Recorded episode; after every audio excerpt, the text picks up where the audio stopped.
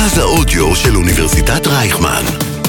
כל האוניברסיטה אודיוורסיטי. לא רק יח"צ. שיחות עם יועצי התקשורת והדוברים המובילים על האסטרטגיה שמאחורי המהלכים התקשורתיים. עם לירון בן יעקב. אהלן, ברוכות וברוכים הבאים לפודקאסט לא רק יח"צ, האסטרטגיה שמאחורי המהלכים התקשורתיים שמשודר באתר הרדיו הבינתחומי 106.2 FM. אני לירון בן יעקב, מרצה בבית הספר סמי עופר לתקשורת באוניברסיטת רייכמן, המרכז הבינתחומי, יועצת תקשורת ודוברת. נמצא איתנו היום גיא הדס, סמנכ"ל תקשורת תאגידית בקבוצת בזק. גיא ידבר איתנו על תקשורת תאגידית, אחריות תאגידית, ומה זה אומר לנהל את התדמית של קבוצת התקשורת הגדולה בישראל על כל ממשקיה מול הלקוחות. גיא החל את דרכו כעיתונאי ולפני למעלה מעשור עבר לנהל את כל עולמות התקשורת התאגידית בקבוצת בזק, שם הוא משמש גם כחבר הנהלה. לגיא רקע עשיר בניהול מערך תקשורת מורכבת בסביבה פיננסית, רגולטורית וציבורית מאתגרת. היי גיא. אהלן, לירון. אתה בכלל היית עיתונאי, התחלת כעיתונאי. איך מצאת את עצמך מדברר את קבוצת התקשורת בזק? האמת שהכל במקרה. גם הגעתי לעיתונות במקרה. אה, אולי בעצם לא ממש במקרה, כי תמיד היה לי אולי את הנטייה לשם ואת הרצון לכתוב ולהביע את עצמי. אבל אה, בגדול, התחלתי בכלל ללמוד כלכלה ותקשורת באוניברסיטת תל אביב, והייתי במחזור הראשון של החוג לתקשורת באוניברסיטת תל אביב. אני אפילו לא יודע מה משך אותי לשם. בהתחלה התקבלתי לכלכלה ופסיכולוגיה, והחלטתי ברגע האחרון לשנות את זה לתקשורת, סתם כדי להתנסות. על איזה שנים אנחנו מדברים פחות או יותר?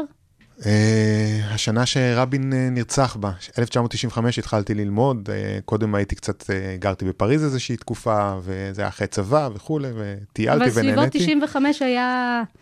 נפתח בעצם החוג באוניברסיטת נכון, תל אביב? נכון, נכון. ואני חייב לומר שעיקר העניין שלי היה בכלל בכלכלה ולא בתקשורת.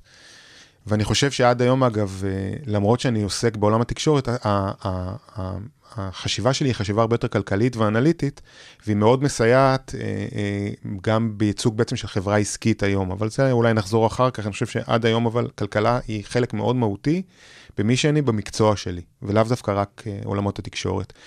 בסוף תואר החוג לתקשורת שלי, אחרי, יודע, שנתיים, שלוש, בדיוק נפתח דה מרקר, זה אפילו היה איזה מישהו מיזם סודי של הארץ, אף אחד לא ידע, ואסור היה לספר, כי פעם ראשונה הקימו אתר אינטרנט חדשותי יהודי בישראל. זאת אומרת, דה מרקר קם, והוא היה אתר האינטרנט הראשון בישראל שמיועד לחדשות. והצטרפתי אליו כמעט בלי לדעת במה מדובר, בלי שום ניסיון עיתונאי, כן. זה היה מגזין הכלכלה הראשון בעצם? זה לא היה מגזין, דה מרקר היה בכלל דה מרקר.קום, ומחצית מההשקעות שלו בכלל באו מחו"ל, מאיזה אתר אינטרנט שנקרא TheStreet.com בזמנו, והוא סיקר בעיקר את הבועת ההייטק שהייתה אז בשנות האלפיים, תמיד יש בועה, אז יש את הבועה של שנות האלפיים, בעיקר סיקר את הבועה של שנות האלפיים, ככה הוא התחיל. והתחרות העיקרית של TheMarker.com, לא להאמין, היה בכלל עיתון הארץ. הארץ כלכלה היה, הייתה התחרות העיקרית של TheMarker.com. בהמשך הם התמזגו, והארץ כלכלה הפך להיות TheMarker, שזה באמת סיפור ייחודי עולמי לדעתי. אז uh, באמת נהנינו מאוד להקים משהו מאפס, הייתי שם מהראשונים והמקימים, לא הייתי מייסד, אבל מהראשונים והמקימים של המקום, בלי לדעת שום דבר בעיתונות, בלי לדעת שום דבר בתקשורת, הכל מאפס. אבל כן הבנת בכלכלה. למדתי כלכלה, אהבתי לכתוב, ידעתי תקשורת מאוד תיאורטית מהאוניברסיטה, אבל כל זה אולי איזשהו רקע לרצון באמת אה, אה, להכיר, והרבה מאוד סקרנות להכיר את השוק העסקי. בחרתי לבד את תחום התקשורת שסיקרתי אותו, תחום הטלקום, וזה היה מאוד מעניין, יש בו הרבה יצרים וצרכנים וכסף ורגולציה. ותחרות. ותחרות, וכולנו משתמשים בשירותי תקשורת, וזה אז הייתה הפריצה הגדולה של הסלולר והאינטרנט, אז היה עולם מאוד מאוד מעניין.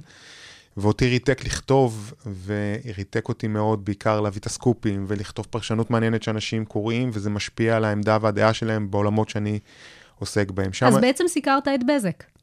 בעצם סיקרתי את בזק, אני עוד בדה מרקר, אחר כך בסוף התואר השני שלי במנהל עסקים, שזה, המשכתי לעשות את זה במהלך, דה, בעצם הלימודים, בעבודה בדה מרקר, נסעתי לברצלונה, סיימתי את התואר בברצלונה, חזרתי והייתי עוד חמש שנים בגלובס, הייתי שם כתב שוק הון, עורך של מהדורות מסוימות, הייתי כותב על הייטק ותקשורת, כן. וזה היה פשוט תענוג גדול השנים האלה, כן. ומתי החלטת שאתה רוצה לעבור לעבוד בחברה ולא לסקר אותה? אז זו הייתה החלטה? הי- הייתה החלטה לעב... לצאת מעיתונות. הייתה... אני הרגשתי שמיציתי לפחות את העניין ואת הסקרנות שלי ואת היכולת להתקדם בתוך עולם התקשורת, בתוך עולם המדיה. מאוד רציתי, אגב, לצאת בכלל מהעולם ה... ה... ה... ה... לא רציתי להיות דובר, אני חייב לומר, זה ממש היה אצלי אה, טבוע, אני הייתי אה, סוג של משרת ציבור כשהייתי עיתונאי, לא רציתי להיות דובר, אני רציתי לעסוק בשיווק, בפיתוח עסקי, חשבתי ש... שאלה העולמות היותר מעניינים. אבל בסוף, יש איזושהי משיכה למה שאתה באמת טוב בו, ומק... ובעיקר עם את ניסיון שלך ומה שאתה טוב בו. וגם ההגעה שלי לבזק גם הייתה סוג של טעות, אה, אני לא זוכר, בעצם אה, הגיע אבי גבאי ל... מקריות או טעות? מקריות שהיא, טעות שהיא מקריות, בואו נקרא לזה ככה, אבל אה, הגיע אבי גבאי, זה באמת סיפורים של, של הגיע אבי גבאי לנהל את בזק, הוא הכיר אותי כי אני סיקרתי את החברה שהוא ניהל אותה קודם, את בזק בינלאומי, והוא אמר, גיא, בוא תצטרף, בהתחלה אמרתי לו לא, כי היה לי קשה מאוד לראות את עצמי עובר לתפקיד כזה, שכאילו סוג של, בעיניים שלי זה היה האנשים הרעים, בסדר? אלה שמייצגים את הארגונים הגדולים ו- ו- ו- ומכסים על, על כל מה שהם עושים כנגד הצרכנים. אבל הבנתי שגם בזק היא חברה סופר מעניינת, הכי גדולה בשוק, עם, עם אלף ואחד אה, מורכבויות, וגם מאוד התחברתי לאבי ולמה שהוא ייצג שם, ולשינויים הגדולים שהוא הביא בחברה, וגם הבנתי שיש שם הרבה מאוד דברים לעשות חוץ מדוברות קלאסית, על איזה שנה אנחנו מדברים? על 2008, אוקיי. מזמן יחסית, אה, ובאמת לא, הצט- אבל זה הרבה אחרי שבזק הופרטה. אה, זה בערך שנה וחצי או שנתיים אחרי שבזק הופרטה, אבל זה רגע, עוד פעם, אנחנו חוזרים קצת לעניינים היסטוריים, אבל כל ד... יש תמיד משברים הרי, ובמשברים עסקינן, הנה, אז אמרתי, נולדתי בתוך הבועה של אפיים, והנה הגעתי לבזק אחרי משבר מאוד גדול, כי בדיוק התחלפה הנהלה, היה איזה מין סקופ עיתונאי שהוביל לשינוי של מנכ"ל וחצי הנהלה בבזק, זה היה סיפור של אופציות ש... ולא הפעם חולקו שם. הראשונה שבעקבות משבר משתנה ההנהלה. אה, לא בפעם הראשונה. דרך אגב, מי שהוציא את הסקופ הזה זה אני, אז עוד פעם, איפה הטעויות, טעות ואיפה המקריות, זאת אומרת, הסקופ הזה היה בגלובס. הסקופ הזה דיבר באמת על אופציות מאוד מאוד גדולות שקיבל המנכ"ל, בלי, ש... בלי שזה דווח, נקרא לזה כמו שצריך, זה בהמשך נחקר על ידי רשות ניירות ערך, ובהמשך אה, אה, נגמר כמו שנגמר, שאבי גבאי הגיע לשם ואמר לי בוא, ולקח לי שבוע לומר כן, ו... אבל זאת ההחלטה הכי טובה שלקחתי אי פעם בחיים שלי. ועד היום אני חושב שאני בר מזל ומודה למי שהביא אותי לבזק, כי באמת עולם שלם גדול ומופלא נגלה לפניי. היה שם לפני כן דובר, דוברת? הייתה, כן, לפניי היה דובר, והייתה דוברת לפניו, זאת אומרת, זה היה... זה לא היה תפקיד חדש שאתה ייצרת. לא, סמנכ"ל תקשורת תאגידית בבזק זה תפקיד חדש, שנולד יותר מאוחר, כמה שנים אחר כך על ידי, אבל דובר כדובר היה שם בפירוש, זה תפקיד שהיה קיים, אה, כמובן זה תפקיד שמשתנה, עוד פעם אנחנו נדבר על זה אולי בהמשך, אבל תפקיד שמשתנה, אה, שהשתנה באופן קיצוני מאוד בשנים האחרונות, ומעבר לזה שבזק כל שנה נראית אחרת והמשימות והאתגרים שונים, אז כל שנה בזק זה משהו אחר. וגם עולם התקשורת. ועולם התקשורת עצמו השתנה לטובה ולרעה, זאת אומרת, עולם התקשורת השתנה לחלוטין, ו... ואתה עוסק היום, תקשורת היא משהו אחר לגמרי ממה שעסקנו. כשאני מדבר על גופי תקשורת ממש, אז הם נחלשו מאוד מצד אחד, מצד שני הם עדיין מובילים אג'נדה. הרבה דברים קרו אה, גם בצד שלהם, בצד של מי שאני בעצם עובד איתו בצד השני, וגם בצד שלי, ש... שאנחנו בעולמות אחרים לגמרי. אז בואו ננסה רגע לעשות קצת סדר. אתה משמש כסמנכ"ל תקשורת בחברת תקשורת, שזה נכון. שני סוגים שונים של תקשורת. נכון. אבל לפני שניכנס לעולמות המדיה, שזה בעצם הנושא של הפודקאסט, תספר לנו קצת על קבוצת התקשורת בזק, מה היא כוללת. בזק היא מוכרת בכל בית בישראל, יש לנו את הטלפון שלנו שהולך ו- ו- ונעלם באופן מאוד טבעי. אגב, בישראל יש הרבה יותר טלפון קווי מאשר, למרות שהתחושה שלנו שכמעט ואין, אבל הרבה יותר מכל מקום אחר בעולם, ועדיין 60% מהבתים בישראל אין להם טלפון. אבל... ראיתי לפני כמה זמן כתבה אה, שמסירים את הטלפונים הציבוריים מהמרחב, נכון. שגם בזק הייתה אחראית עליהם, לא? נכון, אז היו לנו טלפונים ציבוריים, אנחנו מזמן, אגב, עוד פעם, לא ניכנס לזה, אבל זה בדיוק מראה לך מה זה רגולציה ארכאית, אנחנו מזמן לא משתמשים בטלפונים ציבוריים. טלפונים ציבוריים זה דבר מת, זה פשוט מפגע ציבורי שיושב באמצע המדרכות, אנחנו מזמן רצינו להוריד אותם. לקח למשרד התקשורת הרבה מאוד זמן כדי לאשר לנו ככל בחוק. ונכון שעכשיו אה, השר יועז הנדל הבין שהגיע, נפל לו האסימון, שהגיע הזמן להיעלם מהטלפונים הציבוריים, ונכון, זה גם נעלם, אז גם הטלפון הקווי נעלם, אבל דיברנו רגע על בזק, בואו נחזור לזה. מה שבעצם אה, מהווה את הגורם המרכזי, את מנוע הצמיחה של בזק, זה כמובן האינטרנט, ואנחנו עכשיו גם במהלך עצום של מעבר לסיבים אופטיים, גם הטכנולוגיה משתנה וזה סופר מעניין, וזה גם בסופו של דבר משפיע על כולנו כצרכנים. זה גם קשור לכל עולם התקשורת הכללי סביבנו, ש... ואנחנו אה, בעולם העסקי, אה, בעצם הגוף ה- שנותן שירותים לעולם העסקי הכי גדול בישראל בתחום התקשורת. יש לנו חברות בנות, את פלאפון, את יס ואת בזק בינלאומי, וגם את בזק אונליין, שזה סוג של אה, מוקדים, אה, אה, מוקדים לשירות, שאנחנו בעצם נותנים לחברות אחרות. כ outsourcing. בדיוק, אבל זו חברה פחות, פחות משמעותית. אוקיי, ואתה בעצם הדובר של כל הגופים האלה? איך זה בעצם עובד? כל הגופים האלה שדיברת, פלאפון, יס ובזק בינלאומי, היום נחשבים לגוף אחד בגלל שיש להם הנהלה אחודה. זה לא ממוזג, אבל יש הנהלה אחודה, זה נקרא אלפא. להם יש אה, אה, ניהול אה, עצמאי ולבד של עולם התקשורתי שלהם, זאת אומרת, יש מישהו שמקביל אליי, שעושה את, את החברות הבנות. אני עושה את בזק קווי, אלה חברות נפרדות, זה מותגים נפרדים. נכון, זה נובע אגב, עוד פעם, אנחנו חוזרים לרגולציה, אנחנו אולי המדינה היחידה בעולם שזה קיים, זאת אומרת, אין שום מקום אחר, אין שום סיבה באמת להפריד את הדבר הזה, הדבר הזה מופרד בגלל כללי רגולציה, לא ניכנס לזה, בזק מונופול, הייתה לפחות מונופול מאוד חזק, ופשוט הפרידו לנו את הפעילויות כדי לייצר תחרות, אבל אין שום היגיון בזה שטלוויזיה תמכר בנפרד מסלולר, תמכר בנפרד מאינטרנט וכולי, זה כבר היום משתנה, וחברות אחרות מתאפשר לעשות את זה, אנחנו פחות. אבל כן, הן חברות נפרדות לגמרי, נמצאות במקומות אחרים פיזית ומנוהלות על ידי צוות אחר. אה, מצד שני, בזק היא בכל זאת קבוצה, אז אני גם אה, אה, אחראי על, על הצד התקשורתי, תדמיתי, דוברותי של, של קבוצת בזק. של הצד אה, של הדירקטוריון והראייה של מיזוגים רכישות, אה, אה, רגולציה וכולי, אז גם על זה, זה יושב אצלי גם כן. בזק הייתה מונופול, היא פועלת בשוק סופר תחרותי היום, ואני מניחה שלאורך השנים היו המון המון שינויים, גם בתפקיד שלך מתוך הפוזיציה הזו. אתה יכול לשתף קצת במורכבות של מה זה אומר לנהל את התקשורת של גוף כל כך מורכב? כן, קודם כל אנחנו לא סיימנו מקודם, אנחנו, מעבר לעולם התקשורתי, אנחנו אני גם אחראי על התקשורת הפנים-ארגונית בבזק, ועל אחריות תאגידית בבזק, שזה כולל מעורבות חברתית, תרומה לקהילה, אבל גם את כל דוח ה-ESG שאנחנו מוציאים, כל מסמכי המדיניות שקשורים לעולם הזה, כל עולם האחריות תאגידית שהולך ותופס יותר נפח, גם יושב אצלי. הוא לאו דווקא מחובר ישירות לעולם התקשורתי, אבל הוא מאוד מהותי בח- בחיים של חברה עסקית הוא גדולה. מושפע ומשפיע. בהחלט. זאת אומרת, בסופו של דבר הוא מאוד מושפע מהתקשורת, וגם הוא הולך וצובר נפח יותר גדול בתקשורת, התפיסות של ה-ESG, התפיסות של האחריות התאגידית. זה מאוד מורכב, לשאלה שלך, זה מאוד מאוד מורכב לנהל אה, תקשורת לגוף כל כך גדול, שנמצא בשוק תחרותי, שהוא גוף מצוין באיזה מבחינת אה, שירות ללקוח ומוצר, והוא נאלץ להתחרות עם ידיים קשורות מאחורי הגב מהרבה בחינות רגולטוריות, זאת אומרת, המתחרים שלנו, יש להם יתרונות עלינו. מי הם המתחרים למי שלא מכירה? המתחרים היום זה פרטנר וסלקום, והמתחרים זה הוט, וזה כול, כל אחד מהם הוא גוף תקשורת מאוד מאוד גדול. ו-Unlimited לצורך העניין? Unlimited היא היא באמת, Unlimited היא חברת התקשורת של חברת החשמל, שהיום היא כבר יחד אה, התחברה להוט ולסלקום, ומייצרים איזה שוק של, אה, סוג של גוש נוסף, גוש תקשורת מאוד מאוד גדול, שמתחרה בסיבים האופטיים בבזק. זאת אומרת, באמת נוצרים לנו הרבה מאוד תחרויות מהרבה מאוד כיוונים, וחלק מהם מתחברים ויוצרים איזשהו גוף מאוד גדול ותחרותי מאוד קשה, ואנחנו כבזק צריכים להתחרות בגופים האלה. צריכים להמשיך... אה, למה בעצם עם ידיים קשורות? אחד, כבר דיברנו על זה, למשל ההפרדה המבנית, מה שנקרא, העובדה שבזק בינלאומי ו-yes ופלאפון הם גופים נפרדים, אה, זה נובע מתוך רגולציה, העובדה שאני לא יכול למכור triple. אני יכול למכור ללקוח טלוויזיה יחד עם, אה, יחד עם אינטרנט, יחד עם טלפון, יחד עם... לא, אסור לי. כל דבר צריך להיות בנפרד, בתמחור נפרד, זה מאוד מאוד מקשה על המכירות.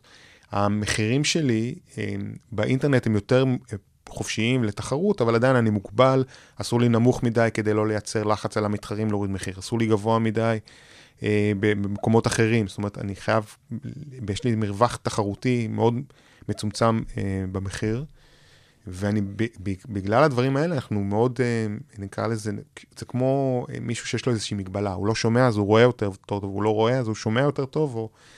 אז ברגע שהגבילו אותנו בהרבה מאוד אה, מובנים, מאוד מאוד פיתחנו את היכולת השירותית שלנו, מאוד מאוד פיתחנו את היכולת. המוצרית שלנו. יש לנו מוצרים היום הכי טובים בשוק ושירות הכי טוב בשוק, כי אלה בעצם היתרונות היחסיים כמעט ה... היחידים שאנחנו יכולים לייצר. עוד אנחנו מייצרים עוד דברים, אבל אלה יתרונות יחסיים מאוד משמעותיים אצלנו. בוא נחזור לתקשורת. בוא נחזור מה לתקשורת. זה אומר מבחינתך? זה אומר אחד שאני באמת צריך אה, לנהל תקשורת, וזה ליבת הפעילות, לנהל תקשורת ואת התדמית אה, של אה, חברה בתחרות מאוד קשה. ולדחוף את זה, ולדחוף את המהלכים השיווקיים, ולדחוף את המכירות. איך אתה מייצר את הבידול התחרותי? אנחנו, קודם כל, מלו... העבודה עם, הש... עם חטיבת השיווק היא מאוד מאוד צמודה. אנחנו מלווים כל מהלך שיווקי בראייה של 360 מעלות, הם ואנחנו ביחד בראייה של 360 מעלות. אתה יכול לתת דוגמה? מה זה אומר? אני יכול לתת דוגמה דווקא... אה, אתה יודע, אתה מדבר ואני כל הזמן חושבת על גידי גוב כן. ועל הפרסומת. כן. איפה אתה בתוך זה? גידי גובה הפרסומת זה לגמרי שיווק. זאת אומרת, בסופו של דבר, השיווק אה, בחברה כמו בזק הוא מאוד מהותי ומרכזי. אבל אמרת שאתה מלווה מהלכים שיווקיים. נכון, מה ודאי. זה אומר? אנחנו צריכים, בסופו של דבר, גידי גוב אה, יכול, למשל, אנחנו עכשיו מוכרים את הסיבים, או דוחפים מאוד מאוד את הסיבים. בסופו של דבר האמירה היא כמעט בכל קמפיין, לפחות בתקופה הזאת, היא מאוד דומה. אנחנו מוכרים סיבים, בואו תתחברו לסיבים, ככה וככה זה המחיר. עכשיו, בסופו של דבר האמירה הזאת, ופה באמת יש פערים מאוד גדולים בין, נגיד, הראייה השיווקית, שאומרים, אוקיי, הנה המסר השיווקי, גיא, או הנה, אתה בתקשורת התאגידית או בדוברות, זה המסר השיווקי, בוא תעשה מזה הודעה לעיתונות, כמו שאנחנו קוראים לזה, ו- ותוציא את זה החוצה, ואיך הם לא מבינים את המשמעות, ואיך התקשורת לא יכולה להבין את המשמעות של הדבר הגדול הזה. אני אומר, תקשיבו, הדברים האלה הם מאוד חשובים, מאוד מעניינים, אנחנו... אה, זה מול הלקוח מצוין, וגם גידי גוב עושה את זה מעולה, עם קופה ראשית וכולי, אבל בסופו של דבר זה לא מעניין. מה זה, מה זה אומר? ת, תרחיב על מה שאתה אומר. עושה את זה מעולה עם קופה ראשית. קופה מה- ראשית זה הקמפיין החדש שהיה לנו, זאת אומרת, בסופו של דבר אנחנו, השיווק ו- מנסה לחדש כל הזמן אה, אה, את הפרסומות, וגידי גוב הוא, הוא לדעתי הפרזנטור הטוב בישראל בי פאר, כבר תקופה ארוכה, מאוד מוכר, מאוד זכיר ומאוד אהוב. זאת אומרת, קודם כל, כשרואים את גידי גוב, איך חברה מחליטה אם, אם, קמפיין, אם, אם מוביל קמפיין הוא טוב. אגב, יש כאלה שאוהבים אותו יותר, יש כאלה פחות, כל אחד שמוביל. הוא פשוט, כשרואים אותו, חושבים בזק, זה כבר, הזכירות היא דבר מאוד מאוד חשוב, והאהדה היא דבר מאוד מאוד חשוב, ולכן בר... גידי גוף כל כך מזוהה עם בזק, שהוא הוא פשוט הקמפיינר לדעתי הכי טוב היום בישראל, אבל עדיין אנחנו מנסים לחדש איתו, הם מנסים לחדש איתו כל הזמן, ולכן מצרפים לו, אה, פעם צרפנו לו כל פעם מישהו אחר, עומר אדם בזמנו, מי שאהב יותר ומי שאהב פחות, אבל אומן אחר, ועכשיו אנחנו באמת הולכים קופה ראשית, אה, הסדרה מכאן, המדהימה. ועשינו קמפיין אחד, יהיו לנו עוד קמפיינים איתם בהמשך, מאוד uh, מגניבים. אנחנו מנסים לחדש לצד מה שנקרא קבוע ו- וסולידי, קצת כמו בזק במידה מסוימת. אבל בסופו של דבר, מה שאני מנסה לחזור, אני לא יכול למכור את זה שוב ושוב לתקשורת, זה לא מעניין אותם. זה לא מעניין אותנו, זה לא מעניין את מי שקורא אותם. אני צריך למצוא כל פעם דרך להמציא מחדש את הסיפור. רגע, מה הסיפור החדש שלנו במהלך הזה? אולי השקנו קצבים חדשים, אולי אנחנו אה, מציעים שירותים שעוד לא הצענו, יש דברים שאולי אתם לא מדגישים ואנחנו יכולים להדגיש בעולמות התקשורת יחד עם הקמפיין. ומעבר לזה, שאנחנו באמת מלווים מהלכים שיווקיים או, או תשתיתיים גדולים בבזק, הרבה מאוד, יש הרבה מאוד עשייה תקשורתית שמייצרת חדשות. קצת דיברנו אה, לפני שהיינו פה באולפן על הדוח, הדוח האינטרנט של בזק למשל. זאת בעצם סוג של המצאה שנולדה בעולמות שלי, כי בסוף איך אני מייצר חדשות שיעניינו את, את הקהל, הלכנו מכיוון אחר. אבל גם התחברו לערכים האסטרטגיים שלכם. נכון, זאת אבל, אומרת, אם אבל אתם הלכנו מכיוון אינטרנט... אחר, הלכנו מכיוון אחר, לא אמרנו, רגע, יש לנו פה מוצר, בוא, בוא, בוא, יש לנו פה מוצר, יש פה שירות חדש, בוא נקדם אותו, הוא מאוד מעניין, בוא נקדם אותו. אנחנו מקדמים אותו בעולמות אחרים, בוא נקדם אותו. לא, אמרנו אחרת. מה מעניין את הציבור? מה מעניין אותנו? בוא, האינטרנט הוא סופר מעניין. אף אחד עדיין לא סיקר באמת את, את התהליכים שמתרחשים באינטרנט שנה אחרי שנה, גם בהשוואה וגם לראות מגמות. בכל שנה גם למצוא נושא אחר להתלבש עליו, זאת אומרת נושא בפוקוס מעבר לסיקור הנרחב. ואמרנו, זה מעניין את הציבור. עכשיו בואו רגע נעזוב את בזק, למה בזק עושה את זה? כי, כי, כי, כי, כי כתפיסה בזק היא מובילת האינטרנט בישראל. בזק היא חברת התקשורת הגדולה בישראל ומובילת האינטרנט בישראל. וככזאת היא צריכה, היא צריכה להביא את הנתונים האלה לציבור הישראלי. הדוח לא מדבר על בזק. לא כותבים בזק עושה, ואנחנו זה, ולא, מס, ולא מפארים את, את השירותים שלנו. מה אתה משיג בזה? אני משיג בזה הרבה, אה, הרבה מאוד מודעות. זאת אומרת, אנשים שנחשפים לדוח, והוא מעניין אותם, אה, מבינים שזה בא מבזק, כי זה דוח האינטרנט של בזק, בסדר? והנתונים מגיעים מבזק, ומי שמציג את הדוח בסוף זה אנשי בזק. אז בסופו של דבר, את, אני מדביק בצורה מאוד מאוד טובה את התפיסה שבזק היא מובילת שוק האינטרנט בישראל, ובזק היא קובעת הדעה והעמדה. אתה ממצב אותה נכון, כמובילה ב- ב- נכון. באינטרנט. נכון. ואני עושה את זה לא מהצד המוצרי, זה בדיוק העולמות האחרים. ואגב, מי שמוביל אותנו, איתנו את זה, זה גם השיווק. זאת אומרת, בסופו של דבר, יש פה באמת איזון חוזר, הם מביאים לי דברים שאני מקדם, אני מביא להם דברים שהם יכולים להסתייע בהם. יש פה עבודה מאוד מאוד יפה, ואנחנו מנסים ליזום ולהמציא דברים לאורך כל השנה, גם בעולמות, בעולמות שלי, גם בעולמות שלהם, וגם את הדברים שקיימים, לחבר ולהרים יחד. התייחסת לזה שאתה גם אה, אחראי על התקשורת הפנים-ארגונית. איפה היא מתחברת, לדוגמה, כשאתם משיקים את דוח האינטרנט? זה נכון, אה, יש תקשורת, תקשורת פנים ארגונית, עוד פעם, זה ארגון מאוד מורכב בבזק, היא יושבת, אה, אה, חלק נכבד ממנה בכלל במשאבי אנוש באופן טבעי, הרי תקשורת פנים ארגונית זה לא רק העברת מסרים והסברה מה בזק עושה עבור העובדים וכולי, אלא זה גם היום-יום, בסדר? איפה את תראי תלוש השכר שלך, ואיפה את יכולה להשיג, לראות את התנאים שלך וביטוחים, והפורטל הפנימי שהוא גם... נועד לעזור לך. זה, זה הרבה מאוד עולם, עולמות של משאבי אנוש, ואני לא מטפל בזה. אני יותר מטפל ברמה של המסרים הניהוליים מההנהלה שאנחנו רוצים להעביר לבזק. כמו מה? קודם כל מעניין להבין קצת מאיפה עולם התקשורת הפנים-ארגונית, לפחות כשאני הגעתי, בבזק הוא נולד.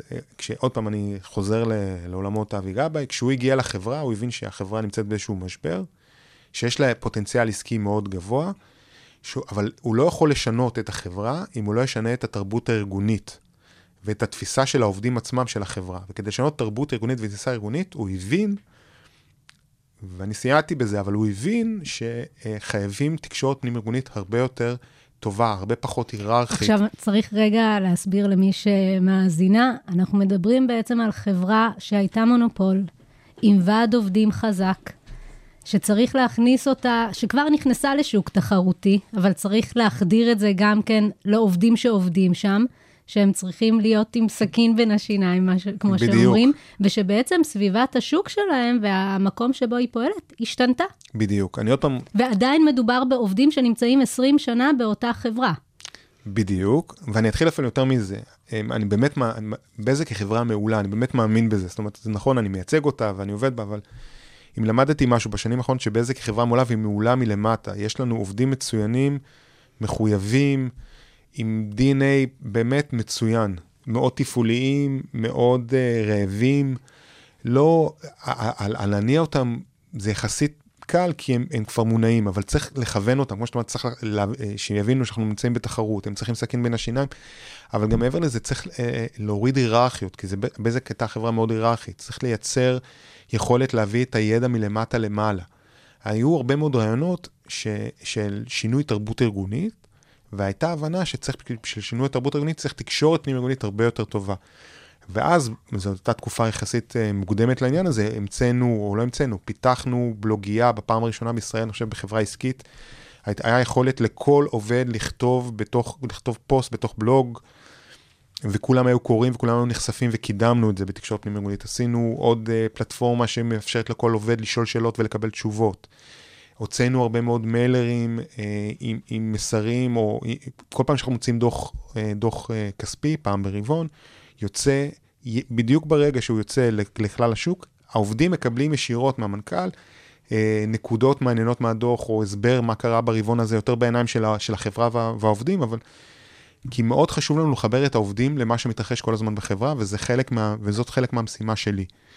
אה, זה דבר סופר סופר חשוב. אה, היום גם צריך להבין שעובדים לא רק נחשפים לחברה אה, ממה שאתה אומר להם וכותב להם, הם נחשפים מהתקשורת. קודם כל מהתקשורת ברור. ומהרשתות החברתיות ומהחברים שלהם. ברור, אגב, זה גם, בהמשך נדבר על זה, אבל, אבל זה גם מקשר אותנו לזה שבעצם אין תקשורת אחת לכל, אין ערוץ אחד לכל אחד.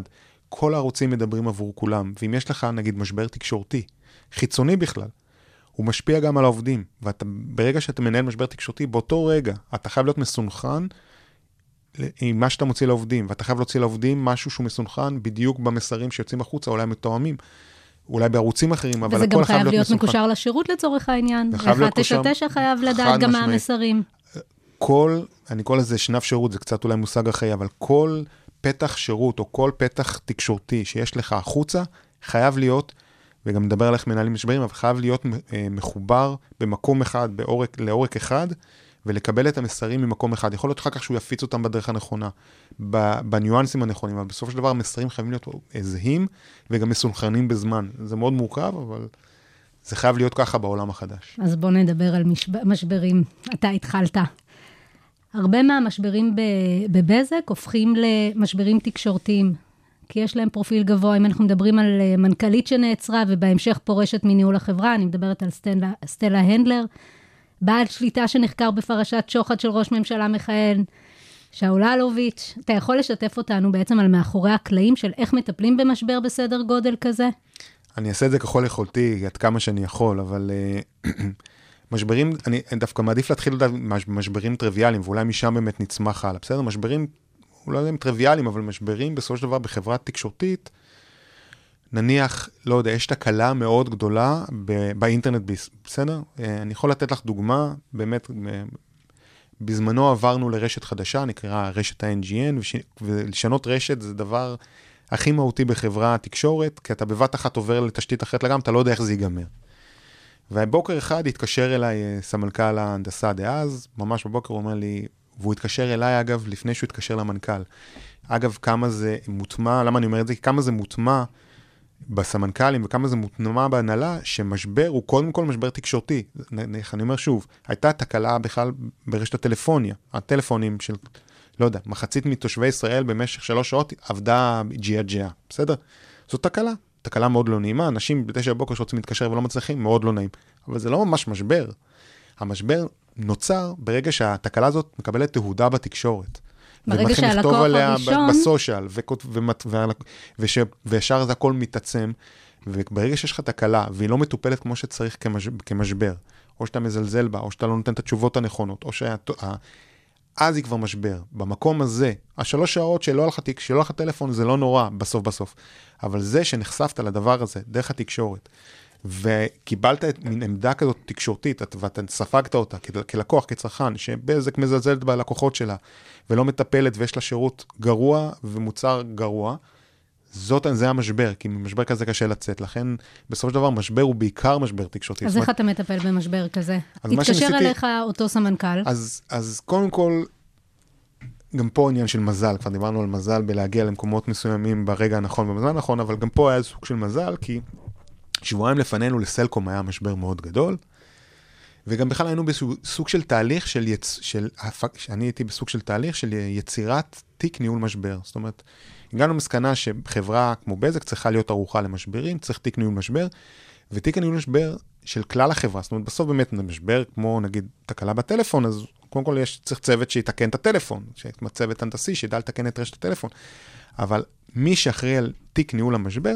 זה סמנכ"ל התקשורת, או, או, או העולם, העולם שלי בסופו של דבר. מה כולל התיק? מה שהכי חשוב אגב במשבר תקשורתי, הוא, כולל, הוא כולל קודם כל את כל ה...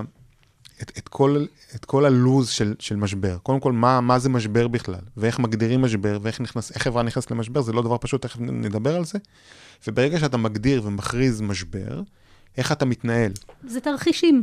הוא כולל כמה תרחישים של זה משבר? אפילו יותר מתרחישים. כי תרחישים, לעולם, אתה יכול לייצר תרחישים, אבל לעולם המשבר יהיה לא כמו שתכננת אותו. אני יכול, לעולם, ואנחנו דיברת על המשברים המאוד גדולים שלנו, לעולם לא תכננו כאלה משברים, והיו לי עוד משברים אחרים בדרך, שלעולם לא חשבתי שהם יהיו כמו שהם. יש משברים טריוויאליים, אבל לעולם לא חשבתי שיהיו לי משברים כמו שהם יהיו. אתה לעולם לא באמת תוכל לדמיין איזה משבר תיכנס אליו, אבל אם אתה תבוא מוכן, עם נוהל מסודר ועם יכולות אופרטיביות קבועות, זאת אומרת, ותדע לפתוח את החמ"לים הנכונים, והאנשים הנכונים יודעים בדיוק מה הם עושים, או איפה צריך אותם, אז ברגע שכל הדבר הזה רגוע, ואתה יודע שיש לך תיק משבר, ואתה יודע שכולם יודעים מה לעשות, אתה כמעט יכול לכל משבר בצורה הטובה ביותר, צריך להפעיל פשוט את השכל. אז יש לך line-up של המשבר. עוד פעם, נתחיל מזה. היה לי מזל שהיה לנו משבר לפנינו, יצרנו תיק משבר, ונכנסנו למשבר הזה ממש ערב באותו ערב קודם הוצאתי את טיוטת תיק המשבר הראשונה של בזק, ערב קודם ממש, לא כאמירה, ערב קודם יצאה טיוטת תיק משבר להערות אחרונות אחרונות לכל, לכל הסמנכ"לים, ולמחרת נתקלנו בתוך המשבר. עכשיו, מה שכתוב בתיק המשבר הזה בעמוד הראשון, שקודם כל במשבר הכי חשוב, לדעת ולהכריז עליו כמשבר, ולהבין שאתה נמצא בתוך משבר. כי לפני שאתה נכנס למשבר, מאוד קל לנסות לדחוק אותו, לא לרצות להודות שאתה במשבר. אגב, הרבה, בהרבה פעמים זה נכון, זאת אומרת, הרבה פעמים אתה נמצא בנקודת החלטה שהיא סוג של ניהול סיכונים, האם אתה עכשיו הולך לכיוון של משבר, או שאתה אומר, רגע, זו תקלה, נגיד ההוא, שהתק... אה, הסמנכ"ל שהתקשר אליי ואמר על התקלת הטלפון, בעצם זו תקלה קטנה, אני יכול להגיד לעצמי, אולי עוד חצי שעה תסדר אותה, בוא תראה, עדיין לא פנו אליי מהתקשורת, ואם יפנו אני אגיד, רגע, אני בודק, ואז אני אמשוך עוד עשר דקות, ואז הכל יסתדר. יש תמיד את הרצון לעשות את זה. אגב, ב-90% מהמקרים זה עובד. צריך פה הרבה מאוד אינטואיציה להבין מתי אתה נמצא ב- בכיוון של משבר. עכשיו, הכי חשוב, שברגע שהבנת ששם אתה נמצא, זה להכריז על משבר. כי ברגע שאתה מכריז על משבר, כל החברה עוברת למוד אחר. ומי שיכול להכריז על משבר זה רק מנכ"ל החברה, כי זה כל כך משמעותי.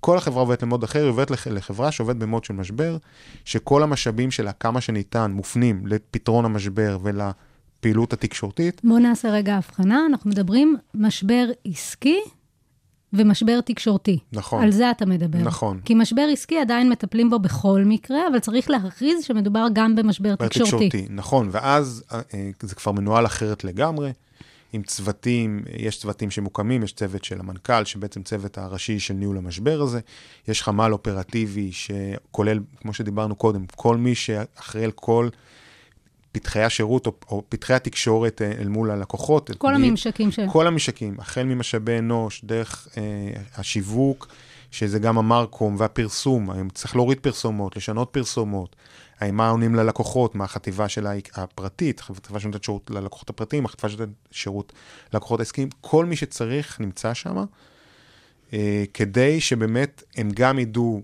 אה, מצד אחד להביא לי את המידע של מה קורה עכשיו, ב, ב, כי, כי ברגע אחד, צריך להבין, כשמשבר מת, מת, מת, מתפרץ, זה בבת אחת, השמיים נהיים אפורים והכל נהיה בשנייה אחת משמש לשלג סוחף. אתה בבת אחת נמצא במקום אחר לגמרי. וצריך לנהל את זה ב- ב- ב- בריכוז מאוד גדול ולדעת גם לעשות תעדופים. בשביל זה, טוב שיש חמ"ל אופרטיבי שיודע להציף לך רק את הדברים החשובים ו- ולנהל את האופרציה מסביב. אתה צריך להיות שם כדי להבין את התמונה כולה וגם כדי לתת מענה במקומות הנכונים והכי קריטיים באותו רגע. ואתה ויש בעוד- גם אה, לוז לדבר הזה וכו'. ואתה בעצם מקבל שאילתות מעיתונאים. שאילתות זה מילה נעימה למה שאני מקבל, אני לא מקבל שאילתות, באותו רגע הטלפון מתחיל לצלצל מכל הכיוונים, הרשתות מתמלאות, הטלפון הכוונה היא שזה גם עיתונאים שרוצים לך תשובות וגם אה, רוצים להעלות אותך לשידור, או רוצים מישהו שיעלה לשידור, תתן לי עכשיו תשובה בגלי צה"ל, זה תשע בבוקר, רזי ברקאי, תתן לי עכשיו תשובה, מה קורה בבזק, למה אי אפשר לטלפן, אה, ואז, הש... ואז צריך להתחיל לעשות תעדופים, או עכשיו צריך להבין, גם אין לך את כל המידע. כמה שאתה רוצה אה, לנהל את המשבר, באותו רגע אתה לא באמת יודע ממש ממש מה התקלה, כי היום תקלות הן לא ממש ברורות, ואתה לא יודע באמת באמת מתי תסתיים, ולא תמיד אתה רוצה, אתה רוצה לומר אמת, רק את האמת, אתה לא רוצה תמיד לומר את כל האמת. זאת אומרת, בסופו של דבר יש פה הליכה מאוד מורכבת, אתה גם צריך, אתה גם מאוד תלוי ב... בעולם המשפטי, אתה לא יכול להגיד הכל, כי אחר כך יגידו לך, אבל רגע, יתבעו אותנו בסוף אם תגיד... ועדיין אני חושב שיש מקום מאוד מרכזי למנהל התקשורת ברגע של משבר, בלהיות דומיננטי ולהוביל את הדבר הזה ולהיות, ולא להיות מובל. זאת אומרת, מאוד קל להפוך להיות מובל, להגיד, רגע, המשפטית לא נותנת לי לדבר, והמנכ"ל מעדיף לא, לא להזכיר את הדברים האלה, ובוא נחכה עוד שעה, שעתיים. בתור מנהל תקשורת מוטלת עליך אחריות במשבר אמיתי, לא באולי יהיה משבר, ב- אה, לשבת ולהישען קדימה, ולדחוף את החברה לנהל את המשבר הזה נכון, ולדחוף את החברה להתנהל בשקיפות, אה, ובכמה שיותר להביא את הפרטים. כמה שזה מאוד לא אינטואיטיבי לחברה עסקית, היא חייבת במשבר להיות שקופה ולייצר נתונים ולדבר ולהיות פתוחה, ולא להסתתר ולהתגונן. יש, יש לי שאלה. Uh, אתה, שואל, אתה שולח את התגובה שלך רק לעיתונאים שפנו, או שאתה עושה הפצה רחבה לכל תא הכתבים שלך, שאתה יודע שמתעניין בנושא? זאת שאלה מצוינת. אני אגיד לך, וזה מתקשר למשהו יותר גדול, אני למדתי בעולמי כל עוד אתה בעולם, בעולם התקשורת, כשאתה מייצג חברה, כל עוד אתה פרואקטיבי, הסיכוי שלך לייצר תקשורת חיובית היא הרבה יותר גדולה. עזבי אותך רגע ממשברים. ברגע שאת, שאני מייצר אמ, את המסרים שלי, את ההודעות שלי, את המהלכים שלי, הם קרוב לוודאי יקבלו מה שנקרא ירוק ב, ב, בסיקור העיתונאי. זאת אומרת, בסופו של דבר, י- זה יהיו, זה יהיו כתבות חי- חיוביות או סיקור חיובי, או ידברו עליהם בחיוב. בדרך כלל, כשאתה מקבל פנייה, או שאתה מגיב לדברים שקורים, הם בדרך כלל שליליים, כי אתה בדרך כלל מגיב לדברים רעים. ולכן במשבר על אחת כמה וכמה. ברגע שאתה מגדיר משבר, אתה לא חוזר רק למי שנתן לך את האינפורמציה, אתה מנסה כמה שיותר להפיץ את מה שאתה אומר. כי אתה, ברור לך שכולם מדברים על זה גם אם הוא לא פנה אליך. ואני אנסה אפילו להעלות באתר שלי את ההודעה שתהיה בולטת, שאני תמיד יכול לומר, זה נמצא שם. אני לא מסתיר שום דבר. מה שאתם מחפשים נמצא, אתם אפילו לא צריכים לפנות אליי, אני לבד מוציא את החומרים החוצה. אבל כן צריך לסייג את הדברים. אתה מדבר במשברים בסדר גודל, שזה כבר נמצא ב-N12 לצורך העניין. כן, לא אבל- כל משבר אתה תשלח את התגובה לכולם, כי אחרת אתה תגדיל את ה... חד משמעית. אבל, של אבל זה. לכן אנחנו מדברים על משברים גדולים, באמת. בשלב שבו אני לא מפיץ לכולם, אני אומר לך כבר, אני לא מגדיר את זה כמשבר. כי אם הייתי מגדיר כל דבר כזה, ואז אני מנהל את זה, אז, אז אי אפשר, אפשר, לה- הארגון לא יכול להתכווץ ולהתרחב למשברים כל כך הרבה פעמים. הוא, הוא צריך להיות אה, מסוגל לעכל משברים, כי משברים, הם- אמרתי לך, זה שינוי ש- טוטאלי באותו רגע של, של ההתנהלות של הארגון. אתה לא יכול הרבה פעמים להגדיר משבר. משבר הוא באמת דבר מאוד ספציפי. לכן באמת, אה, אה, היכולת שלך להתנהל נכון היא, פח, היא בעולם האפור, לא בעולם המשברים. כשאתה במשבר, אתה כבר בהתנהלות אחרת לגמרי. בוא נחזור לתיק 4000. אה, בסדר? איך אתה בעצם, לפני השידור דיברנו על זה, שהתחושה שלי הייתה שהצלחתם לייצר, אולי בכוונה ואולי לא, את ההפרדה בין שאול אלוביץ', שהוא הבעלים, אה, הוא בעצם הבעלים של בזק, לבין בזק המותג. והיום כשמדברים על שאול, שאול אלוביץ', לא באופן אוטומטי, בזק קופצת, למרות שבזק נמצאת שם. הייתה אז- פגיעה תדמיתית? אני, אנחנו נדבר, הייתה פגיעה תדמיתית, היא הייתה נקודתית. אני, אנחנו מאוד, מאוד היינו אה, חרדים באמת בתקופה ההיא אה, לפגיעה התדמיתית, מאוד עקבנו, אני תכף אספר לך איך זיהינו פגיעה תדמיתית ואיך בעצם הצלחנו לצאת ממנה כמעט בצורה מלאה. אני, ברור שעדיין כשאומרים בזק, אז אה, אני חושב שיש לא מעט ש, שמקשרים אותנו לאולי שחיתות, או... למרות שזה לא נכון, אני יכול להסביר למה לא נכון, לא, לא ניכנס לזה עכשיו, אבל לא, לא בקטע שאני מייצג את, את, את מה שקורה שם, אלא בזק, תכף יודעת מה, בוא נדבר רגע. יש מי שמייצג את שאול אלוביץ' תקשורתית חד וזה לא משמעית, אתה? כן, חד משמעית. אני אסביר רגע את, את, את, את כל ה... קודם כל, באמת אירוע כזה הוא, הוא אירוע, הוא מגה מגה אירוע, זאת אומרת, הוא הרבה יותר ממשבר תקשורתי. עד היום אמרתי לך, ניהלתי כל מיני משברים תקשורתיים, גם מרתקים בפני, היה לי פעם אחת אפילו, בתקופת הסכינאות פה, אם את זוכרת, היה, שהיו הרבה מאוד, אה, שהיה מין אינתיפאדה של סכינים, אז אחד העובדים שלנו במזרח ירושלים, טכנאי עם אוטו של רכב של בזק, החליט שהוא מחבל, נכנס בתחנת אוטובוס, יצא, דקר, באמת, אני יכול, זה, זה, זה גם, כל דבר זה פרק בספר שאני אכתוב, אבל, אבל באמת שאני זוכרת איך, שנחשפתי לזה, פשוט אני עליתי במעלית, הסתכלתי תמונה בוויינט, וראיתי את האוטו של בזק תקוע בתחנת אה, אוטובוס, והבנתי שאני בתוך משבר. עוד פעם, זה אגב חלק מהמשברים שאתה לא יודע שאתה יכול, שאתה לעולם לא דמיינת שאתה תנהל משבר כזה, אבל זה משבר שעוד אה, הוא בר ניהול, ואתה, ואתה יודע איך להתנהל בו בתוך תיק המשבר שדיברנו מה עליו. עשית? קודם כל, עוד זה מתקשר לתקשורת הפנים-ארגונית. במשבר כזה, שעובד שלך אה, מייצר פיגוע, התחושה של העובדים פה היא אחד הדברים הכי חשובים. אז תמיד אני מאוד, העולם התקשורת הפנים-ארגונית הוא מאוד חשוב במשבר, אבל כאן הוא היה חשוב אה, שבעתיים, והיה לנו מאוד חשוב לפנות ישירות ובמהירות לעובדים, ועשינו את זה. אז עבדנו הרבה מאוד ברשתות חברתיות, היה לי חשוב מאוד להבין גם את העובדות. זאת אומרת, אני רואה כזאת תמונה, אני חייב לדעת, היה לי חשוב מאוד להבין. ממי כבר- הבנת את העובדות? אבל מהמשטרה? לא. אני, אחרי שיצאתי מהמעלית, אותה מעלית שבה ראיתי את התמונה ו- והבנתי שאני הולך לאיזה סיפור גדול, יצאתי מהמעלית, התקשר אליי סמנכ"ל הלוגיסטיקה, שהוא גם אחראי על ה... ביטחון. נכון, בבזק. אה, וכמו בסיפור ההוא הקודם, שהסמנכ"ל ידע להתקשר, הוא ידע להתקשר אליי לפני המנכ"ל, ועוד פעם, זה לא, אין איזה, אין איזה נוהל, הוא פשוט הבין ששם, שם קבור, פה הבעיה הגדולה.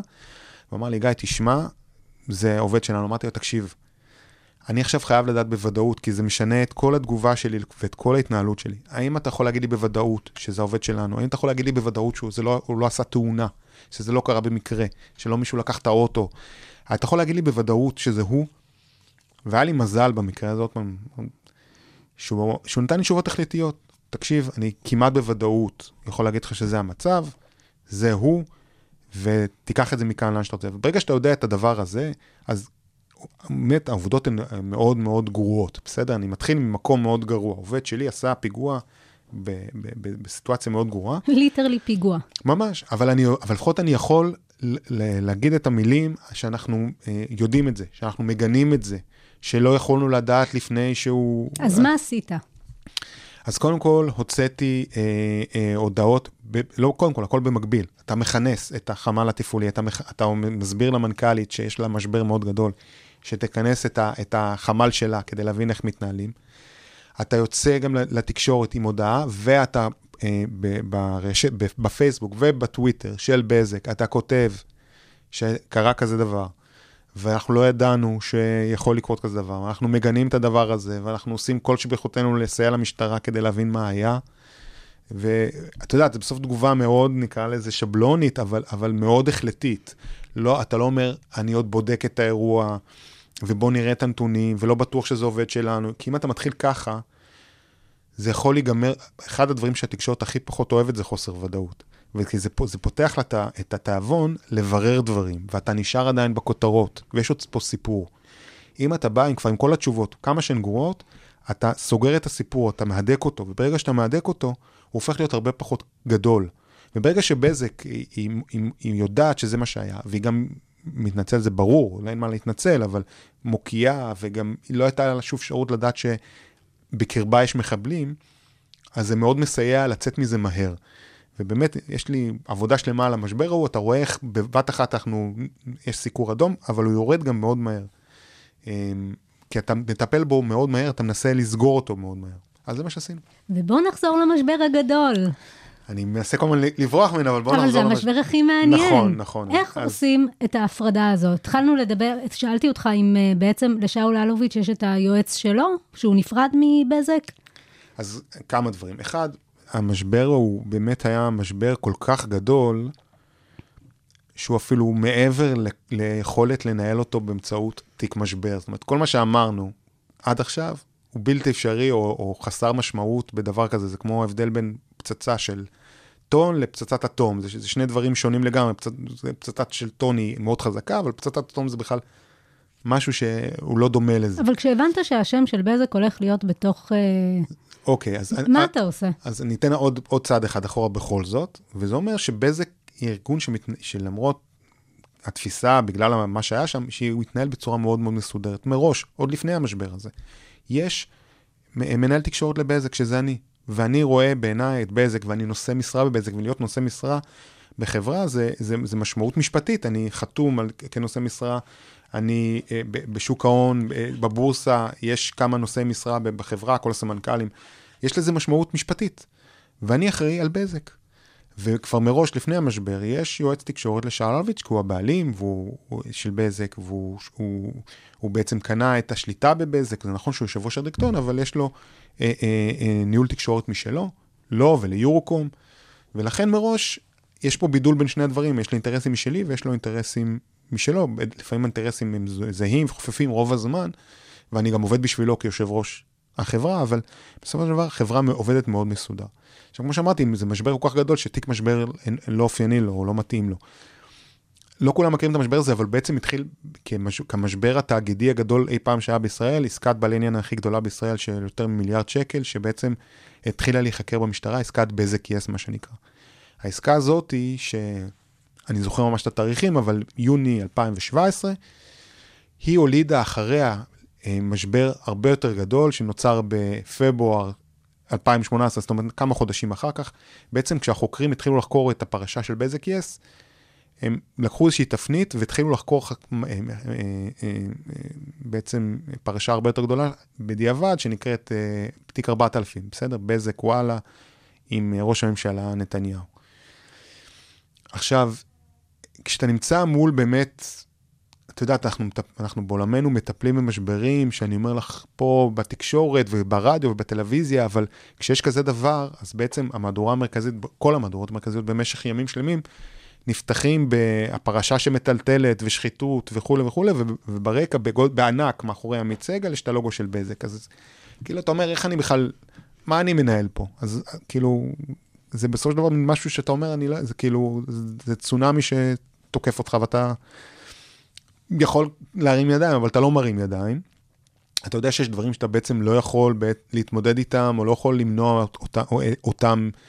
יהיה קשה מאוד להסביר באותו רגע כשהכל קורה, למה בעצם בזק פחות קשורה לזה וזה יותר הבעלים, אבל עדיין אתה לוקח, כמו שאת, למה שאת בעצם אה, מכוונת, אתה לוקח החלטה מאוד ברורה, שאתה מייצג את בזק. ובזק צריכה להיות מופרדת מכל הפרשה הזאת. וזה אומר שבזק ממשיכה לעבוד, אתה צריך כל הזמן להסביר, בזק ממשיכה לעבוד, בזק מעולם, בזק למטה, בזק התפעולית, לעולם לא הייתה קשורה לפרשה הזאת. זו פרשה שלכאורה אה, אה, אה, התרחשה במקומות הכי גבוהים בחברה, בדירקטוריון וכולי, אבל בזק עובדת, ובזק נותנת שירות. הלקוחות לא נפגעים. הלקוחות לא נפגעים, יותר מזה, זה, יש את הרגע הזה שאתה אומר, רגע, רגע, בעולם כזה, מה פתאום שאני אעלה בקמפיין? כי, כי בזק כל כך מוכפשת פה, זה, זה יהיה נראה הזיה, שנעלה בקמפיין עכשיו, ואולי אפילו נעצור כספים, למה? להפך, זה הזמן הכי נכון אה, אל מול תמונות, לצורך העניין, של, אה, של, של שאול אלוביץ', של הדירקטוריון, של הלוגו של בזק מאחורי עמית סגל. אה, להעלות את גידיגוב, שדיברנו עליו קודם, ולהעלות קמפיין חדש של בזק, הכי מגניב, הכי טוב, הכי יפה. כי יש את בזק כך, כי בזק היא משהו אחר. בזק חברה מתפעלת ועובדת ו- וטכנולוגית ונותנת שירות, ואנחנו ממשיכים להיות כאלו גם ברגע של משבר, וגם כשזה נראה מנותק מהמציאות, אנחנו נעשה את זה, ועובדתית זה עובד. ושאלת קודם איך ידענו. בתקופה ההיא, יש לנו סקרים מכל מיני סקרים, חברה גדולה שעושה כל מיני סקרים, ואחד מהסקרים זה באמת אה, אה, תחושות של הציבור נגיד כלפי החברה, מה אתם חושבים עלינו לצורך העניין. ואחת השאלות זה כעס או תחושה של מה אתם חושבים על בזק, כעס ולא, וראינו עלייה מאוד גדולה של, של תחושה של כעס, של שנאה, של חוסר רצון אפילו להתחבר לבזק, למרות שלא ראינו את זה בפועל קורה. זאת אומרת, גם ראינו... לקוחות לא נטשו. שזה גם אחד האינדיקטורים הכי חשובים, כמעט לא היו לנו לקוחות, עזבי, לא היו לקוחות שעזבו, אם זה היו בודדים שעשו כל מיני דברים הצהרתיים, ממש בודדים, וישר צפו למעלה וכולנו חרדתיים, מה, הנה לקוחות מתחילים לנטוש אותנו, לקוחות לא נטשו אותנו בגלל זה, כי היה להם איזושהי אולי הבנה שיש הבדל, וגם חיזקנו את ההבנה הזאתי, וגם ראינו באמת הרבה מאוד עלייה של כעס ו- ו- ותחושות שליליות, אבל זה ירד מהר מאוד, וגם ראינו שקמפיינים מורידים מהר מאוד את הדבר הזה, זאת אומרת, הזיכרון קצר של הציבור, הבאתם סיפור חדש. כן, למרות שזה סיפור שיווקי, ועדיין, הנה, זה עבד. זה לא עובד, כאילו, אמ, יש מה שנקרא בעולמות תקשורת ביגר אלסוור. אני לא יודע, זה אחת הסדרות שאני יותר אהבתי, של מסודרים בזמנו, לא משנה, מישהו רוצה אחר כך טיפ איפה מוצאים את החלק הזה ספציפי, זה חלק שאני הכי אוהב, יש פרק אחד על יועץ תקשורת שהם לקחו, כי הם גנבו ג'יפ צבאי, זאת אומרת, הסטארט-אפיסטים שם. ואז הוא בעצם מסביר להם שמה ש, ש, שלא צריך להתנצל, לא מתנצלים. מנהיגים לא מתנצלים, ככה הוא אומר להם. ומה שצריך לעשות זה ביגר אלסוור. אם יש לך משהו קורה לך, תעשה משהו גדול יותר אה, אה, במקום אחר, ואז כל הראשים מופנים. אז פה אתה לא, בכזאת יש את הסרט פרשה, לקשקש בכלב. נכון, זה בדיוק על אותו נכון, עיקרון, נכון. לפתוח במלחמה. בדיוק, בדיוק, וגם אצלנו יש דוגמאות, לא יודע, אריק שרון האי יווני, אז בוא נעשה את ה... בוא נחזיר את עזה. סתם, אני נותן כל מיני דוגמאות שאתה יכול להגיד שזה בעצם הביגר אלסוור. אבל בכזאת פרשה ענקית, היה מאוד קשה לייצר ביגר אלסוור. ואני אומר לכם, ואני אומר לך עדיין, שצריך לייצר בכל זאת מהלכים פרואקטיביים, וכן לייצר את האלסוור, גם אם הוא לא ביגר, כמו הפרשה הזאת, לייצר כל הזמן אלסוור, כי הציבור צמא לזה והציבור יקבל את זה. דיברת לפני כן גם על הפרואקטיביות, שהיא בעצם מה שיכולה לעזור לך לייצר את הסיפור שאתה רוצה לספר. נכון. לא רק להיות מגיב, אלא גם להיות יוזם. נכון. אז זה אני אומר שוב, כל פעם למצוא דרך אה, להמציא את עצמך מחדש, גם כשלפעמים אין, אין ממש תוכן אמיתי לייצר. אה, כשאנחנו למשל השקנו את, אה, את, את, את רשת החדשה, עוד פעם דיברתי אז על ה-NGN, זה היה בזמנו, השקנו את הרשת, אה, אז ייצרנו כל שנה סיפור סביב הדבר הזה. הנה, עכשיו בואו נשיק קצבים חדשים, עכשיו בואו נשיק טכנולוגיה אחרת. ניסינו לייצר סיפורים שעוד פעם יציפו את הנושא הזה. אתה לא יכול לשבת ולחכות. אם תשב ותחכה, אז המתחי מחירים יהיו לפניך, גם מבחינה שיווקית וגם מבחינה תדמיתית. אתה חייב לייצר כל הזמן סיפורים חדשים, אתה חייב לנסות לעניין אה, את, את, את מי שמסקר אותך, אתה חייב לנסות לעניין- גם ברשתות החברתיות ואת, את, את הציבור באופן ישיר. אחרת אתה, אתה תיעלם, או שאתה תקבל רק דברים שליליים. יש לך יועץ תקשורת אה, חיצוני שמלווה אותך? לא, אנחנו מאוד יעילים ורזים בבזק, לא רק אצלי, אלא בכלל, חברה תפעולית מאוד רז... אנחנו כן משתמשים, או השתמשנו ונשתמש ביועצי תקשורת ברגעים, אה, במקומות שבהם אנחנו צריכים. לא רק במשברים, למשל, אנחנו עושים מהלך של, היו לנו פעם תערוכות מאוד יפות של רגעים של בית, לא משנה תערוכות, על, על, על, היה קשר בין הבית לבזק, ו... אז אנחנו באופן טבעי, אני, אנחנו אצלנו פחות מבינים ב, בעולם התרבות או בתקשורת של עולם התרבות וכולי, אז אנחנו ניקח אה, יועץ תקשורת או, או גוף, או בעצם מישהו שילווה אותנו, משרד יחסי ציבור, שידע לת- לתת לי את האלמנט הזה. בתקופת המשבר באמת הגדולה של בזק יס וכולי, ישר, תוך יומיים צירפתי עם משרד יחסי ציבור או משרד אסטרטגי שיעזור לי לנהל את המשבר, כי באמת הוא היה כל כך גדול, כל כך מורכב. היו צריכים, הייתי צריך עוד מישהו שיעזור לי לחשוב, וגם אה, לייצר, לייצר באמת תקשורת אה, מול, מול ההוריקן הזה. אז במקומות כאלה אנחנו לא מתביישים ולוקחים משרדים חיצוניים, איפה שצריך. אה, חשוב מאוד לדעת איפה, אה, איפה הליבה שלך, במה אתה טוב, ולא להתבייש לקחת סיוע איפה שצריך. אה, חשוב מאוד עדיין לפתח לעצמך כל הזמן יכולות חדשות, זה במקביל אה, ללקחת חיצוניים, אבל אני חושב שיש כוח מאוד גדול לגוף פנימי תקשורתי בתוך החברה. הוא מכיר הכי טוב את החברה. מצד אחד, מצד שני, איך אתה פונה למגזרים, או למקומונים, או יש המון המון, נקרא לזה חללים, בתוך התקשורת שאתה איתך. לא שם. אני מסכים איתך. עכשיו, בתקופה, בשנים הראשונות, באמת היה לנו אה, משרדי יח"צ, משרדי יח"צ למגזרים, היה לנו משרד יח"צ לחרדים, משרד יח"צ לערבים, אה, ו...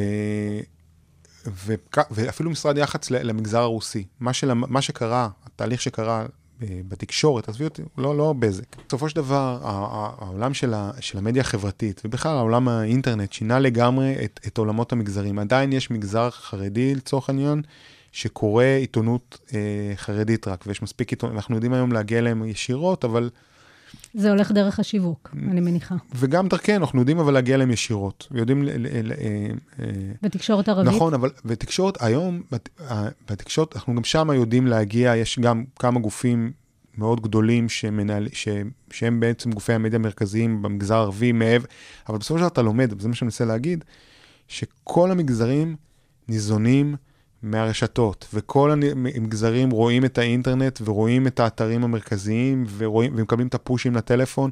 זאת אומרת, בסופו של דבר, אתה פחות ופחות היום צריך... אה, אה, מצד אחד, מצד שני, אם אתה עושה, פורס אה, סיבים אופטיים באזורים של כפרים ערביים, לדוגמה, זה מאוד מאוד נקודתי, ואתה כן צריך להיות כאן פרואקטיבי.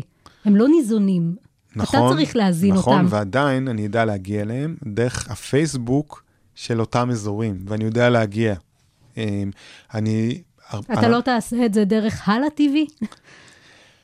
אה, אמרתי, יש כמה גופים גדולים כמו פאנט וכולי, ואותם אני מכיר ואיתם אני יודע לעבוד. אז אני לא מוותר לגמרי על הגופים הייחודיים האלה. ואז תעביר להם את ההודעה בעברית? לא, ואז אנחנו אה, נבין איתם איך אנחנו פונים נכון אה, למגזר. זה לא רק לקחת את ההודעה ולתרגם אותה, זה לא הסיפור. הסיפור הוא להבין איך אתה פונה נכון למגזר. אגב, במגזר נגיד הערבי יש בעיות תקשורת אחרות ודברים בוערים אחרים שאני, דעת, שאני צריך לדעת לפנות אליהם באופן נכון. אה, אבל אנחנו, היום העולם השתנה באופן הזה ש... הוא כאילו מאוד התנפץ. היום הכל נמצא באינטרנט ואין רק שלושה עיתונים כמו שהיה פעם, ו... ועדיין כולם ניזונים מהרשת החברתית וכולם ניזונים מאתרים מאוד מסוימים, וקל מאוד להגיע לכולם אה, בדרכים מסוימות, ולא ולאו דווקא צריך משרדי, משרדים מגזריים. בתוך כל תחומי האחריות שלך, אתה אחראי גם, גם על עולמות האחריות התאגידית. מה זה אומר בעצם, ואיך זה קשור ל... להיות דובר וליחסי ציבור, אם בכלל? זה קשור, אה, קשר מאוד אה, עמוק וישיר, אבל זה בפירוש לא הקשר הכי חשוב בעולמות האחריות התאגידית. האחריות התאגידית היא בעצם העולם שמסתכל על כל בעלי העניין של החברה. בעלי העניין זה לא רק, לא רק בעלי המניות, אלא כל מי שבעצם אה, מושפע ומשפיע על החברה. אני, אני אנסה לדבר לא בסיסמאות, אלא ממש בתכלס.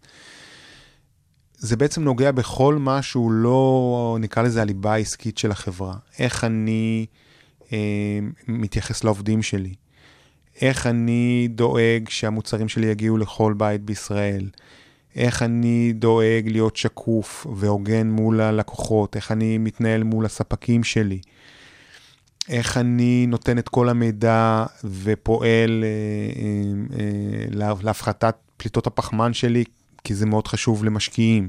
זאת אומרת, אני צריך להסתכל על, על, על, על תמונה הוליסטית כזאת של כל מי שנוגע ומשפיע על החברה, ולהתייחס אליו. הנושא הזה נקרא ESG, זה environmental, social ו-government, ובעצם אנחנו מדברים פה על העניינים הסביבתיים, עניינים של החברתיים ועניינים של הממשל התאגידי. וכל אלו אה, אה, נכללים תחת האחריות התאגידית, שהופכת להיות נושא יותר ויותר מרכזי, לא בבזק, כמובן בבזק, אבל לא רק, זה נושא יותר ויותר מרכזי בעולם העסקי בכלל, בכל העולם, שמשפיע על חברות לעומק. משקיעים היום בחו"ל, הם משקיעים הכי גדולים בעולם, לא ישקיעו בחברה אם אין לה דוח אחריות תאגידית, אם היא לא קובעת לעצמה ידעי, יעדים שאפתניים בעולם, ה, בעולם הסביבתי. וכל זה, אה, וזה זה, זה, זה, זה פרויקט עצום, זה, זה חלק עצום בתוך החברה שהולך וצובר עוצמה, כי אתה צריך לנהל תהליכים חוצי ארגון, ובסוף לשקף אותם החוצה. מה אתה עושה בתוך זה? אנחנו... כי אם לדוגמה יש קרינה, אתה לא זה שאחראי על להקטין את הקרינה. נכון. מה אתה עושה? קודם כל, מה שחשוב בעולם האחריות התאגידית, ה-ESG, זה קודם כל להבין בכלל איפה החברה שלך נמצאת. קודם כל, תדע לשאוב את כל הנתונים מתוך החברה, אה, וזה לא פשוט, יש הרבה חטיבות חברה גדולה, מורכבת. קודם כל להבין איפה אני מזהם, אם בכלל. איך אני מתייחס לעובדים שלי, איזה, איזה הטבות יש לי לעובדים שלי. כשאני אומר שקיפות, למה אני מתכוון, איפה אני בדיוק מחויב לשקיפות. קודם כל, תאסוף את המידע הזה ותשקף אותו החוצה. בשלב, וזה, וזה הכל עניין, זה, זה תהליכים, בסדר? ובשלב הבא, אני מדבר על שנים, ובשלב הבא אתה צריך להתחיל לעשות סקר פערים, איפה, מה מצפים ממני בחוץ שאני אעשה ומה אני לא עושה. או מה מצפים ממני שאני אעשה וקל לי לעשות, מה מצפים ממני שאני אעשה, זאת אומרת שאני, לא יודע, שאני אפלוט פחות אה, אה, אה, פחמן דו-חמצני, כמה, כמה באמת יעלה לי לעשות את זה, ובאיזה קצב אני יכול לעשות את זה. זאת אומרת, קודם כל תמפה מה אתה עושה, אחר כך ת, תמפה את, את המרחק בין מה שאתה עושה למה שצריך להיות, תאשר את ה... אחר כך אתה צריך להבין גם עלות של הדברים, זה לא כל דבר אתה יכול לעשות. יש דברים שעולים המון כסף, שזה ארגון עסקי בסופו של דבר, הוא לא יעשה כל דבר. תיתן מחיר לפעולות שאתה צריך לעשות, תבחר את הפעולות שנותנות לך את הערך הכי גדול, תבחר גם יעדים ארוכי טווח. אתה קובע את היעדים? בסוף יעדים צריכים להיות מאושרים על ידי הנהלה, ואחר כך על ידי הדירקטוריון, אבל בפירוש... אז אתה נותן את ההמלצה? זה אפילו יותר מהמלצה, הרי בסופו של דבר אתה חוקר מה אנחנו עושים, אתה חוקר מה מצופה ממך, ואתה בא עם המלצות מאוד מאוד מוגדרות, זה אגב בדיוק תהליך שאנחנו עוברים עכשיו, ואת ההמלצות האלה אתה מאוד רוצה להעביר, כי אתה רוצה בסופו של דבר לשקף אותם בדוח, ובסופו של דבר הארגון כולו צריך להיות מכוון לזה. אם אני רוצה בשנת 2050, כמו מדינת ישראל, להיות על אפס פליטות פחמן, אני צריך להבין שכל שנה אני צריך להיות חמישה אחוז מהפליטות, וזה אומר אנרגיה יותר נקייה, יותר ירוקה. זה, עכשיו זה, בסופו של דבר, את מתורגם למעשים של ממש, להחליף רכבים, לצרוך חשמל יותר נקי, לייצר לבד חשמל. יש פה תהליכים מאוד מאוד מאוד עמוקים, שבסופו של דבר זה נחמד לומר אותם, אבל צריך לבצע אותם. אני רוצה רק לומר משהו אחד על ה-SG שהוא חשוב לי. אנחנו באמת ובתמים מאמינים שהעולם הזה הוא בסופו של דבר נותן ערך לחברה. בסופו של דבר זה נשמע, מה אתה בא אלינו עם כל הדברים האלה של, ה, של הסביבה וחברה, אנחנו צריכים להביא ערך לבעלי מניות, אנחנו צריכים להביא ערך לחברה. איך החברה יבוא דווקא גם דרך הדברים האלה, כי ישקיעו בך יותר, כי החברה תנהל את הסיכונים שלה יותר בעלי טוב. בעלי המניות קוראים את הדוח. כן, תתפלאי לשמוע שדירקטורים, או בכלל דירקטוריון, מאוד חשוב לעולם ה-ESG, זה עולם שהוא מהותי לו, גם כי למשקיעים זה חשוב, וגם כי הוא, הוא בסופו של דבר מייצג מאוד את מה שהחברה עושה, ויש לו ערך אמיתי לחברה. הוא בסופו של דבר, בטווח ארוך, יאפשר לחברה להתקיים, כי, כי גם הלקוחות שלך לא ירצו להיות לקוחות של חברה שלא משקיעה בעולמות האלה. זה ניהול סיכונים, ניהול תדמית, יש פה הרבה מאוד עולמות שנכנסים לתוך ה-SG. עכשיו, ברגע שאתה מכיר בזה שזה באמת טוב לחברה, ויש גם יתרונות נקודתיים מהירים, אני רוצה לייצר ציון גבוה אצל אנליסטים שמכסים אותנו בעולם שוק ההון על ה-ESG, כדי שמשקיעים בחו"ל ירצו לקנות את המניה, אז אני רואה פה יתרון מהיר, אני, ברגע שהם ימליצו על החברה בעולם ה-ESG, אז מחיר המניה יעלה. אז יש לי גם יתרונות לטווח קצר, וגם יתרונות לטווח ארוך של יציבות של חברה ו- ומובילות שלה. אה, לכן זה, נושא סופר חשוב, סופר מהותי, הוא לאו דווקא יושב אה, מאוד רק עם עולם התקשורתי, אבל עולם התקשורתי גם מאוד משפיע עליו והוא מושפע ממנו. הוא חוצה חברה בעצם. חד משמעית. אתה מנהל את עולמות התקשורת בבזק כבר למעלה מעשור, אמרנו מ-2008. מהמם. איך אתה מחדש? אה, אתה חייב לחדש, אם אתה לא תחדש, אתה לא, אתה לא תצליח ואתה לא תהיה שם. אה, קודם כל אני מחדש כי בזק מחדשת, וזה המזל הגדול, זאת אומרת, כל הזמן קורים בדברים אה, בבזק שהם חדשים, טכנולוגיה חדשה, שירותים חדשים, מוצרים חדשים. כשאני התחלתי בבזק, שירות הטלפון היה הדבר המרכזי, היום אנחנו מדברים אינטרנט, אינטרנט ורק אינטרנט. תחשבי איזה שינוי מהותי בחברה שעברה, זאת אומרת, היה אינטרנט אז, אבל עברנו להתעלות במוצר אחד על חשבון מוצר שני, זה, זה שינוי היסטרי. החלפנו שתי, שתי תשתיות, להחליף תשתית בחברה זה עולם ומלואו. עברנו משברים מקצה לקצה, זאת אומרת, וזה כל פעם, אתה אוהב את זה או לא אוהב את זה, זה, זה, זה מאתגר אותך וזה מחייב אותך להיות חד ולהשתנות. התקשורת מולנו, כמו שדיברנו עליה קודם, השתנתה, אתה חייב להשתנות מולה. הגופי מדיה הם גופים שונים לגמרי, האינטרנט תופס יותר נפח.